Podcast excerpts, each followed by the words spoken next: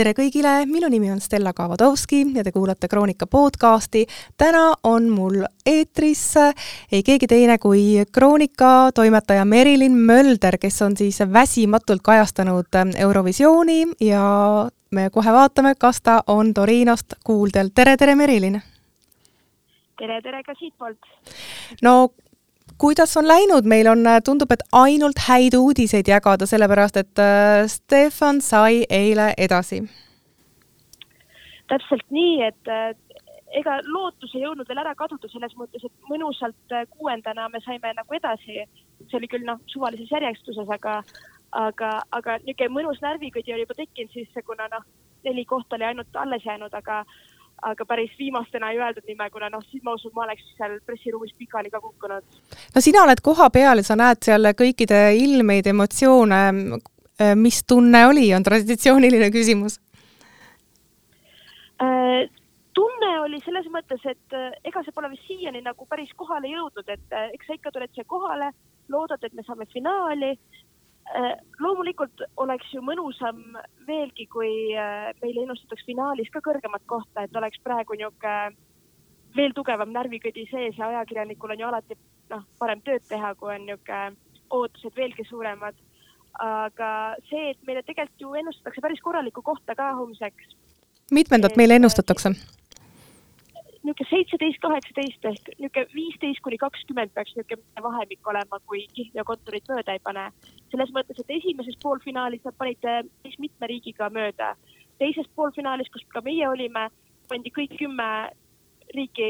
mis pidid edasi saama, said ka edasi. see on fenomenaalne tänapäeval tegelikult, eks ole, et nad nii täppi oskavad panna. mitte küll alati, aga ikkagi täiesti, täiesti sellepärast, et tegelikult ju ei hääleta ainult ju rahvas, vaid pooled hääled, häälest häältest tulevad ka ju žürii poolt, nii et meie ju ei tea tegelikult, mis riigis nagu noh, milline žürii tegelikult on kokku pandud ja mis nende maitsed on. et see on jah tõesti hämmastav, et kuidas pannakse täppi, aga finaal tuleb kindlasti hästi põnev, sellepärast et kellele ei meeldiks see lõpuosa, kus öeldakse neid äh, punkte, vaata, et iga riik annab enda kaksteist punkti ja lõpus liidetakse ju veel äh, kumma pidi see ongi, ma ei mäleta, kas žürii punktid tulevad siis see, et iga riik annab ja siis pärast pannakse vist äh, publiku hääled lihtsalt juurde minu meelest no põnevust on igatahes homme, aga et me veel homsest kõike ära ei räägiks, siis ma loomulikult äh, küsin äh, seda, et millised on üldse sinu äh, muljed Torinost, sest et sa oled nüüd kõiki neid selliseid karvaseid ja sulelisi artiste lähemalt näinud ja on sul ka omad lemmikud? jah, ma olen tõesti igat ühte neist väga lähedalt seal türkiisinisel vaibal näinud ja enamusi neist ka intervjueerinud et äh, selles mõttes, et minule on ikkagi, ma ei taha küll poliitikat ja Eurovisiooni nagu segada, aga mulle on tõesti euro, ma arvan tõesti, et Eurovisiooni võitjaks tuleb sel aastal Ukraina. et äh, noh, see, see laul on juba nii mõnus, et isegi kui seda sõda praegu ei oleks toimumas, siis ma usun, nad oleksid noh, top kolmes kindlasti, aga see, et äh, sa tead, mis on nende meeste taust, et nad on ise olnud eesliinil võitlemas, nende pered on praegu Ukrainas, siis see annab nii palju emotsiooni sellele laulule juurde, et mul oli üle kere kananahk ihul, kui teisipäeval nad seal poolfinaalis esinesid. et äh, ühelgi teisel riigil pole sellist trumpi või noh, ütleme niimoodi, et see ei ole ju positiivne trump, aga trumpi nagu taskust võtta. kusjuures ma pean mainima seda, et äh, vaatasin täpselt samamoodi nende esinemist ja mis mulle jäi silma, oli see, et äh, kui nad ei ähm,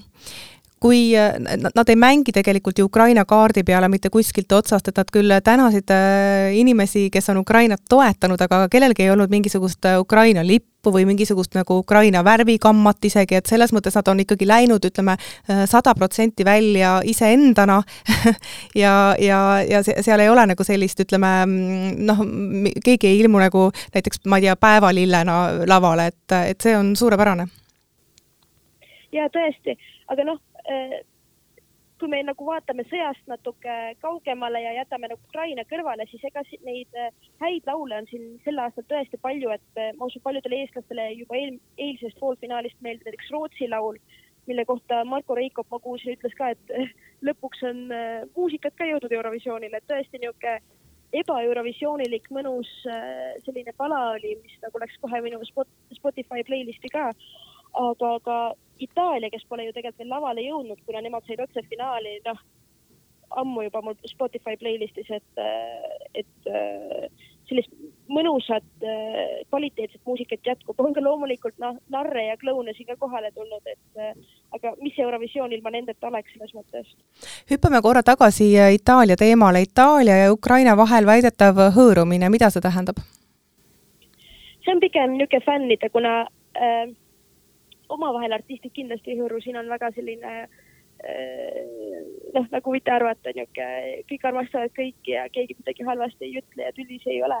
aga kui ma käisin siin äh, Eurovisiooni külas ehk Eurovision Village'is paar päeva tagasi, siis äh, ega need ukrainlased, kes, kes olid tulnud nautima Kalush äh, orkestra esinemist siis sinna parki tasuta, ega nad nagu kurvad välja ei näinud selles mõttes, et nad tulid ikkagi muusikat nautima ja unustama korraks kõik see, mis kodumaal toimub. aga itaallastega rääkides, eks nad olid ikka jah, natuke pettunud, kuna ju pikalt-pikalt ennustati, et nemad on tulnud niisuguse hitiga välja, mis on purustanud siin igasuguseid rekordeid kuulamistes ja striimimistes et nemad arvasid, et noh, neil on see teine võit, järjestiku, järjestikune võit juba peos ja siis hakkas noh sõda pihta ja nüüd äh, on nad vist, pole isegi ju enam teisel kohal, vaid on juba langenud sinna Suurbritannia taha kolmandale kohale ennustustabelis. et äh, kuidagi asi oli juba nii lähedal neile, nii peopesas juba ja ukrainlased võtsid nagu nii-öelda ära selle sealt no sa ütlesid, et sul on üks ja teine laul on äh, playlistis ja kuulad, räägi siis, äh, kellele sina homme oma sellise kõne annad et kes, kellele mina homme pöialt hoian. ja, ja kas, kas sa teed ka telefonikõne kellegi kasuks äh,? ma, no kõige suurem äh, pöidla hoidmine läheb kindlasti Stefanile, kuna e-, ega see Kihlvee kontori võivad mööda ka panna ja ma arvan, et meil võib olla asja ka top kümnesse, et siis läheb asi päris põnevaks. aga ma tõesti jah, ma hoiangi Ukraina, Itaalia ka Rootsi, mida ma ennem mainisin äh,. siin on nagu lihtsalt sellised artiste ka, kes on nagu ise nii meeldivad inimesed kuidagi, et äh, Armeenia esindaja, noh, kellega saab ka Stefan väga hästi läbi, on väga sümpaatne, ka Leedu esindaja. et äh, siin lihtsalt noh, kui sa oled siin kohapeal, siis see kõik nagu kuidagi kasvab sulle nii külge, et nagu raske on nagu kellegi vastu olla või niimoodi, et, et kõik on kuidagi nagu suur ühtne pere siin no kes on kõige ägedam diiva ja, ja sinu jaoks selline üllataja, kellega sa oled kohtunud? Hispaania esindaja Chanel kindlasti. Äh, kuna Hispaania saab ka see Big Five riigina ehk nagu suur su,, viis suurriiki, kes saavad iga aasta siis otsefinaali, siis äh, nad ei ole isegi ligilähedal võidule Kihlveo kontorite arvates, et noh, nad on seal kuskil viies-kuues koht aga, aga hispaanlased juba jagavad mingid korraldamispirukad seal äh, omavahel laiali ja, ja ta ja see Chanel käib alati niisugustes riietes, et sa näed noh, juba kilomeetri kaugusest, et on ilmumas. et niisugune keevaverelisus ja selline latiina olek on noh, tal verega ju kaasas, et et tema on kindlasti see kõige kuulsam diiva, kes siin praegu on ringi käimas ma just tahtsingi küsida, et äh, kes äh, on sellised, äh, kes on kostüümidele ja ka sellisele lavavälisele kostüümidraamale pannud kõige rohkem rõhku, sul on ju väga-väga põnev seda kõike seal näha. jah, kindlasti kostüümi, noh, kui me jätame nagu naised kõrvale, kuna olgem ausad, siis naised on ju noh, alati ei, me ei jäta naisi kõrvale, räägime mõlemast, sellepärast et on ka väga, väga igavaid naisi aeg-ajalt. ei no seda küll, aga mul tuli kohe kostüümidraamaga äh, Äh, silme ette Austraalia esindaja äh, Sheldon, äh, kes on toonud, ma rääkisin temaga seal türkiis-sinisel vaibal, tal on kohvrid, ma ei tea, tuhandet, tuhandete eurode eest kaasa ostetud, vaata, et ta saaks kõik oma kostüümidraamad siin igal üritusel ja igal põhimõtteliselt hotellist välja astudes nagu ära teha, et, et tal oli eile seljas siis nagu valge keep, ta pääses ka finaali mis, millel oli eraldi kohver, tal on ka üks teine must keep täpselt samasugune kaasas, millel on ka eraldi kohver nagu kaasa võetud. mõlemad kaaluvad siis umbes kolmekümne kilo kanti, et, et noh, pöörasust selles mõttes jagub ka meeste poolt, et kõik ei ole niimoodi, et noh, Stefan küll täitis meil lava ära, aga ma ei kujutaks ette, et tema nagu noh, mingi glitterit järsku kandma annaks, kandma hakkaks või midagi siukest, et et selles mõttes on väga tore, et, et ka mehed ja Iisraeli esindaja, kes eile oli siis, tal on niisugused tantsupoisid ka, mul ei tule selle esindaja nimi meelde, ta oli kohe eilses poolfinaalis üks esimesi esinejaid. no see mees lihtsalt noh, osk-, oskab nagu ennast müüa, et ma tean, ta siin äh, Torinos on juba oma armastatuga vist kihlunud paar päeva tagasi, et ta oskab show'd teha ka ilma kostüümideta selles mõttes, et, et oskab olla nii-öelda esikaantel siis igasuguste asjadega. aga naistest, issand, ma peangi mõtlema kohe, kes siin just nagu esinemise poolest, et eile näiteks üllatuslikult ei saanud Küpros edasi, nemad on alati noh, niisugused, et money ain't a question äh, riik siin Eurovisioonil ja seda oli ka eile näha nende esinemisest, aga nemad jah, tõesti edasi ei saanud. aga esimeses poolfinaalis kindlasti kedagi oli, aga muud praegu lihtsalt ei plahvata kohe pähe. no kui rääkida ajakirjanikest, siis äh, kui suure kohvriga sa ise kohale läksid? kuna mina olen Itaaliasse, tulin juba nädal aega enne Eurovisiooni algust, et natuke ringi reisida, siis mina tulin äh, korraliku suure kohvriga ja kahjuks ma pean tõdema, et ma lähen vist täna ostma teise kohvri juurde, kuna lihtsalt nii palju nänni ja asju on äh, juurde tulnud, et ma ei saanud vastu panna siin Itaalias. On nii ilusad riided igasugustes butiikides, et äh, et ma ei tea, üldse Eestist midagi kaasa võtsin ja ma olen iga päev midagi ostnud ja kohe järgmisel päeval juba selga pannud. tead, aga väga õigesti, ennast tuleb äh, premeerida, kunagi ei tea, mis äh, juhtub homme. aga kui räägime natukene siis äh, Stefani emotsioonidest, et sai ta siis edasi kuuendana eile, eks ole ähm,, öeldi küll suvalises järjekorras see, aga tõesti kõik, ma arvan, kes talle kaasa elasid, said rahulikult hingata pärast seda. kuidas tema emotsioonid olid? Ta on ju, ta on, ta on ju nii emotsionaalne selles mõttes, mis on äge meesterahva puhul. ta ongi üliemotsionaalne, aga kuna see Eurovisiooni eh, formaat siin nagu kohapeal näeb välja selline, et kodumaise pressi ette jõuab ta alles noh, tund-poolteist peale seda päris emotsiooni, siis ta oli eile peale pressikonverentsi, kus ta noh, ta pidi ootama, et teised riigid ka oma jutud saaks ära räägitud ja siis ta tuli nagu minu juurde. eks no näost oli väsimust küll näha selles mõttes, et, et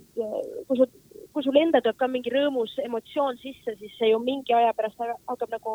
lahtuma ja siis tuleb see noh, väsimus sellest vaata. et aga samas tähistatud sai ka eile natuke, et ega Stefan päris kohe peale seda üritust magama ei läinud ja nagu Stefan mulle ise tunnistas, siis ega tähistamine hakkas juba peale esinemist tegelikult pihta, et laual olid neil eh, limoncellod ja, ja no promilliga jooki sai ikka ennem ka tarvitatud, aga samas Stefan eh, on siin ka erinevatel ühisüritustel, mis on ajakirjanikega olnud, eh, jäänud alati nagu väga selliseks professionaalseks, et ta on ikkagi siin ju laulma tulnud, mitte pidu panema. no mida homme, homselt nii-öelda oodata, et räägi, kuidas Kroonika lugejad ja, ja siis veebiusinad jälgijad saavad kaasa elada kõik algab sellest, et äh, kuna täna on ju reede õhtu Torinos, siis äh, kõigepealt lähme me täna vaatame, mis melu siin toimub, kuna ma arvan, et täna saab siin ikka korralikult pidu ja kõigest sellest saab homme kroonika vahendusel lugeda, et loomulikult ma ei oota, et Stefanik kuskil linna peal läheks, kuna ma usun, et tal on üks elu tähtsamaid päevi homme. aga kindlasti lähme vaatame üle Euroküla uuesti, käime vaatame mõned euroklaabid läbi, et sel aastal ei ole ühte niisugust kindlat euroklaabi, vaid on meelega äh, üle linna neid mitu tükki tek-, noh, mitte tekitatud, vaid see tiitel on antud nagu mitmele klubile. et kõigest sellest saab lugeda homme hommikul juba Kroonikast või juba täna öösel, kes teab. Äh, kindlasti läheb juba homne otseblogi võimalikult varakult käima, toome kõik, mis siin Torinos toimub, nagu eilegi hakkas juba blogi äh, lõunapaiku pihta, et äh, et eestlased oleks ka kursis kõigega, mis siin toimub, et hoiame kätt pulsil juba lõunast saadik, et see ja siis peale seda tuleb kindlasti ülevaade Kihlveo kontoritest, viimane pilk ka sellele, mis toimub siin kohapeal videoreportaaži näol. et ja kindlasti saadab Stefan ka viimased emotsioonid enne, enne lavale minekut taaskord meile, nagu eilegi. Ta tegi meile väikse eksklusiivse videotervituse enne, vahetult enne siis green room'i minekut ja enne siis lavale astumist seega siis tasub jälgida Kroonikat www.kroonika.ee, Delfis täpselt samamoodi leiate Kroonika ülesse ja loomulikult siis tasub jälgida Kroonika Instagrami. ja seal on alati kõik kõige kiiremini, et ja, ja Facebookis käib samuti meil selline väike melu ja elu jah, igal pool, igal pool, kus vaatate, Eurovisioon peab vastu vaatama homme. jaa, absoluutselt, et Eurovisioon on äh, siin igas äh, kanalis äh, kajastatud, aitäh sulle siis äh,, Merilin äh,, mõnusat nautimist ja, ja siis oleme juba ütleme, ülehomme targemad mis saab. täpselt nii, täpselt nii, siis näeme, mis saama hakkab, aga aitäh! aitäh sulle ja siis äh, kuulmiseni! nägemiseni mm! -hmm ja nüüd on mul eetris äh, Stefani mänedžer äh, Tambet Mumma, no tere, tere, Tambet, äh, emotsioonid on vist laes? tere, tere, tõesti on, et eriti olid nad seda eilse, eilsel õhtul. täna on juba, täna juba vaatame, vaatame edasi homsele päevale ja kõik ettevalmistused käivad, et siin juba need emotsioonid on juba nüüd tööks muutunud uuesti no töö mis ei ole ju lõpuni ära tehtud tegelikult veel. jaa, aga ikkagi selles mõttes, et äh, ütleme nii, et närvikõdi oli kuni kuuenda kohani, et siis, äh, siis, äh, siis oli pingelangus ikka korralik? siis oli tõesti, et see pinge tegelikult oli päris suur seal hääletamisel, et ikkagi need esimesed kolm, kes edasi said, olid, olid need, keda me ei, ei arvestanud edasi saavad ja, ja me ei näinud ka ühtegi kaamerat seal meie läheduses olevat, et kuidagi ei tundnud nagu huvi meie vastu, nii et natukene hirmus oli mingil hetkel. tegi pisut murelikuks, eks järsku salaja üks selg äh, kõhuli roomas äh, koos kaameraga sinna meie, meie lähedale, siis äh, mingi lootus vaikselt hakkas tekkima ja õnneks, õnneks, õnneks tõusis krapsti püsti kui kuues koht välja kuulutati ja näit-, näitas, näitas Eesti delegatsiooni. no sina nägid nii-öelda neid Stefani emotsioone lähedalt, räägi nendest need olid kõigil, kogu, kogu tiimil ja kõigil nad on sellised, ongi sellised ehedad emotsioonid, et, et ükskõik, kas sa nagu loodad edasi saada või mitte, aga, aga alati on teadmatus ja see närvipinge on nagu päris suur, et see, see kergendus, mis siis tuleb, on ikkagi, ikkagi selline, mis jääb tegelikult meelde nagu, et kui ma siin tagantjärgi kõiki neid teisi äh, Eesti laule või Eurovisiooni äh, hetki meenutan, et siis tegelikult äh, nad jäävad ikkagi meelde kõik no sa oled äh, käinud ringi, näinud seal erinevaid artiste, kuidas äh, nüüd edasi on, et, et pärast võitu järgneb äh, töö, sellepärast et juba laupäeval on siis finaal, et kas te midagi muudate, mis pilguga sa kogu seda asja vaatad? jaa, ta tegelikult noh, ega siin seda aega ju väga palju ei ole olnud, sest äh, Stefan võeti koos äh,, koos Tomi, Tomi Rahulaga sinna pressikonverentsile ja nemad nendel läks seal ikkagi poole ööni tegelikult see, meie ülejäänud tiimiga, kes läksime siia oma, tulime oma hotelli kõrval juba iga-õhtuseks kogunemispaigaks saanud kebaabi, kebaabiputas ja, ja, ja ootasime sealt Stefanit. ja nad siis mingi, mingil hetkel ka laekusid, nii et me seal kuskil kella, kella kolmeni peaaegu istusime. ja see oligi see, see siis selle ürituse järgne selline, pigem selline nagu vai-, vaikne tähistamine, et ega me seal midagi nagu otseselt töist ei, ei arutanud, et äh, praegu, praegu seal, praegu käivad proovid.